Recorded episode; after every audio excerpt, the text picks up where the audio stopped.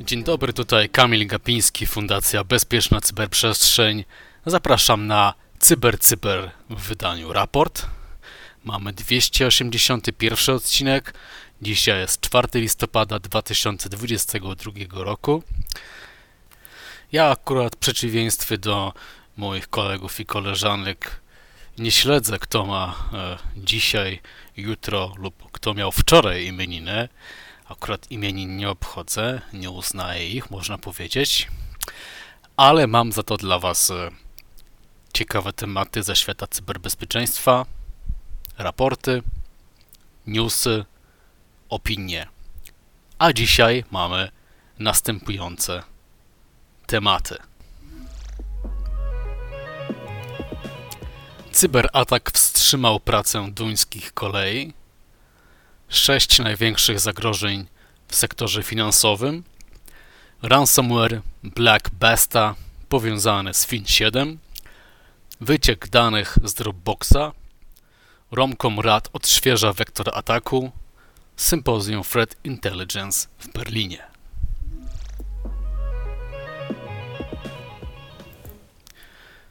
Słuchajcie, w minioną sobotę w wyniku cyberataku stały pociągi w Danii. Incydent pokazuje nam, jak atak na zewnętrznego dostawcę, no w tym przypadku chodzi o kolejny przykład supply chain attack, może spowodować znaczne zakłócenia w świecie fizycznym. Natomiast e, nie chodzi tutaj wcale o dostawcę e, czy mm, incydenty w obszarze e, Operation Technology. W rzeczywistości było to wynikiem incydentu bezpieczeństwa w Supeo, duńskiej firmie, która dostarcza rozwiązania do zarządzania zasobami przedsiębiorstwa, innymi właśnie dla kolei. Supeo mogło być celem ataku ransomware. Co prawda firma nie udostępniła żadnych informacji szczegółowych, ale przedstawiciel DSB, to jest największa firma obsługująca pociągi w kraju, powiedział um, agencji Reutera, że było to przestępstwo gospodarcze. W ogóle to według duńskiego nadawcy e, DR wszystkie e, pociągi obsługiwane przez DSB zatrzymały się w sobotę rano i przez kilka godzin no, nie mogły e, wznowić podróży. Zakłócenie ruchu pociągów nastąpiło po tym, jak Supeo zdecydowało się wyłączyć swoje serwery w wyniku ataku hakerskiego. Doprowadziło to do tego, że oprogramowanie używane um, no, końcowe, jak mnie mam, przez maszynistów przestało działać. Cyber Defense Magazine um, opublikował ranking sześciu największych zagrożeń cyber w sektorze finansowym. Ciekawe, czy zgodzicie się um, z tą listą e, lub z kolejnością tych zagrożeń w tejże liście. E, sześć największych zagrożeń, o których stanowi ten ranking, to e, w pierwszej kolejności ataki sponsorowane przez, e, czyli ataki APT tak naprawdę sponsorowane przez państwa. Na drugim miejscu znalazł się ransomware, na trzecim niezaszyfrowane dane, na czwartym podatności w third party software, na piątym miejscu mm, ataki socjotechniczne, inżynieria społeczna. No i na szóstym e, miejscu tak zwane insider threats, czyli mm, ataki za pośrednictwem jakiejś wewnętrznej siły niesprzyjającej przedsiębiorstwu czy organizacji.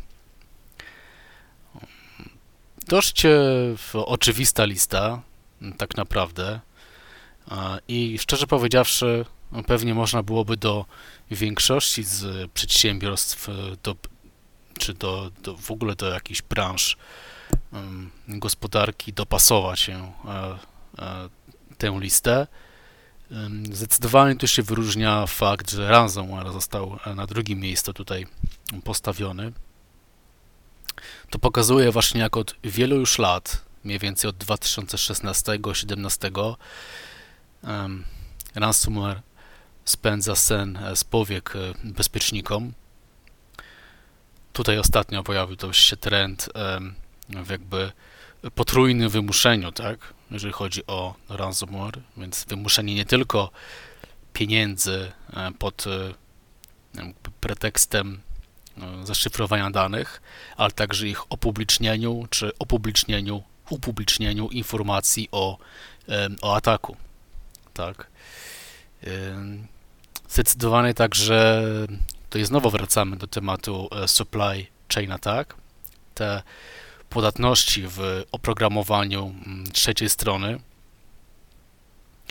e, także się tu znalazły, no bo jak wiemy, coraz więcej właśnie ataków wynika e, z faktu kompromitacji dostawcy, mm, chociażby właśnie oprogramowania.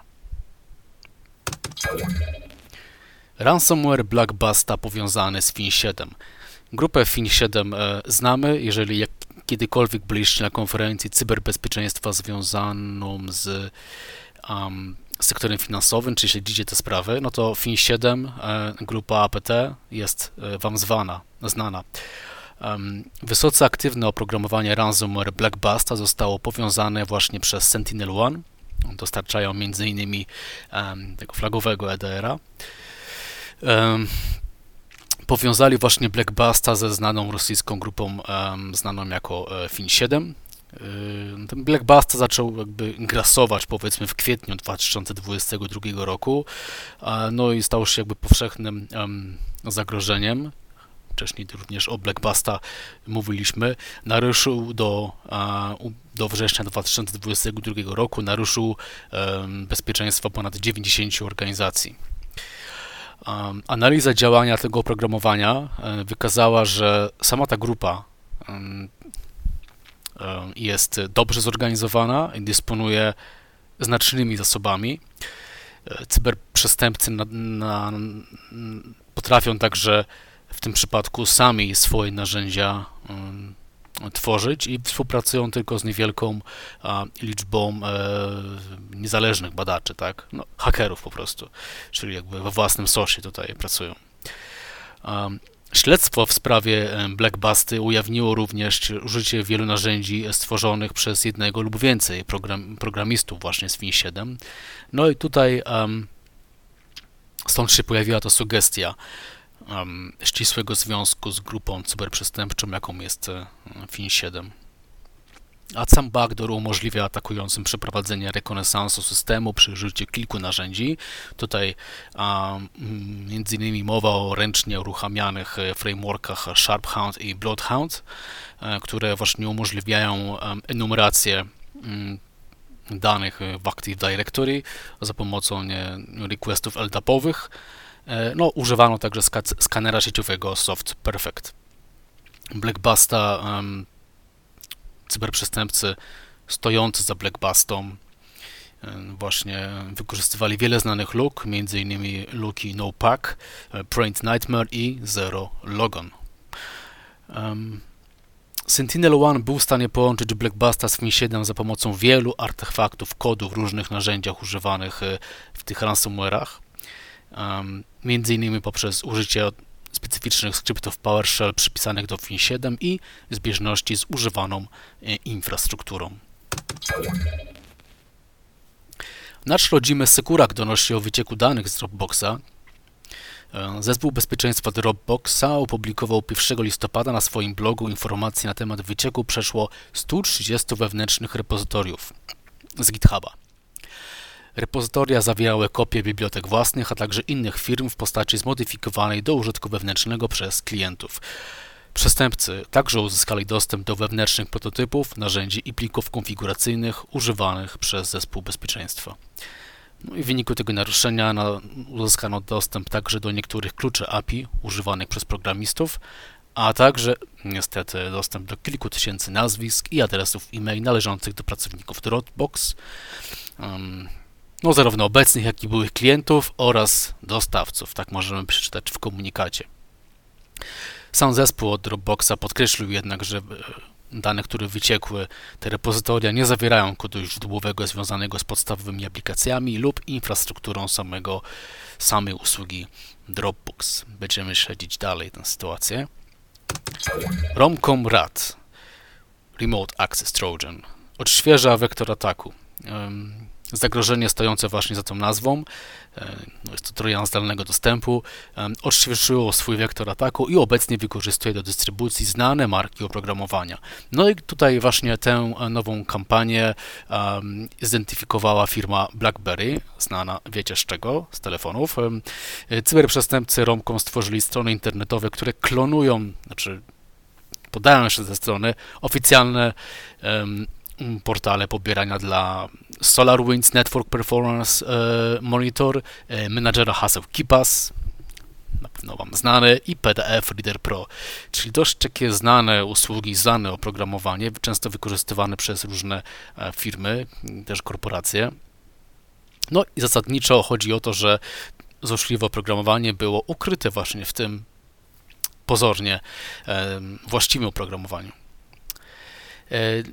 Cyberprzestępcy utworzyli witrynę podszywiającą się także pod oprogramowanie um, Vim Backup and Recovery. Pobrana aplikacja została tutaj w tym przypadku zmodyfikowana tak, aby uruchomiała um, złośliwą bibliotekę DLL, która pobiera i uruchamia kopię ramką RAD. Do technicznego raportu zapraszamy na Blipping Computer. E, na koniec e, jestem świeżo mm, po konferencji, e, właściwie sympozjum Cyber Threat Intelligence w Berlinie. To było sympozjum mm, FIRSTA, czyli Forum for Instant Response and Security Teams, no, takiej organizacji, która zrzesza zespoły typu CERT, zespoły bezpieczeństwa, vendorów także. Więc tutaj na gorąco mam kilka przemyśleń. Przede wszystkim w tych wszystkich procesach Cyber Threat Intelligence no, bardzo istotne jest zrozumienie potrzeb klienta czy naszego constituency, tak? czyli tych, dla których świadczymy usługi Cyber Threat Intelligence. To zrozumienie musi się odbyć już na samym początku, bo później jest coraz trudniej dopasować jakby um, nasze usługi, nasze produkty do oczekiwań. No i um, można było się zapoznać z różnymi metodykami, jak e, ustawiać, ustalać priorytety. E, no i jedna z takich metodyk e, bardzo interesująca to jest metodyka Cyber, Cyber Underground General Intelligence Requirements, mm, w skrócie CU-GIRH, um, zaproponowana przez firmę Intel 471. No i oni właściwie zrobili taki cały, cały bardzo pokaźny słownik w zasadzie wszystkich um, możliwych e, tych e, mm, wymagań. No i właśnie od takich wymagań jak e, śledzenie podatności w serwisach cloudowych, właśnie takie techniczne wymagania, przez zainteresowanie odpowiednimi, czy odpowiednimi, zainteresowanie niektórymi państwami w kontekście cyberzagrożeń, aż po konkretne właśnie nazwy taktyk używanych przez cyberprzestępców, chociażby coś takiego jak mamy account brute forcing czy SIM swapping, tak? To akurat jeżeli chodzi o e, mobilne urządzenia. Więc to jest taka jedno z przemyśleń, a drugie przemyślenie to jest takie, że teraz bardziej się podchodzi procesowo i organizacyjnie do threat intelligence i jakby istotne jest to, by e, te analizy, mm, jakby analizy czy dane dostarczane jako produkty Threat Intelligence, no to nie były tylko suche dane, um, suche wskaźniki kompromitacji, ale także pewnego rodzaju um, rekomendacje na operacyjnym czy strategicznym poziomie. Można nawet określić ten poziom jako geopolityczny, chociaż ja osobiście nie lubię tego określenia. Um, więc tak, community cyber threat intelligence się rozwija przy tym firście właśnie.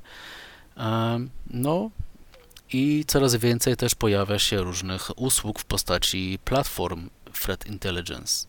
Więc oprócz MISPA, znanego w środowisku, powstają nowe projekty, które właśnie wokół tego CTI-a, zagadnień obsykłowych, osyntowych gdzieś tam się kręcą.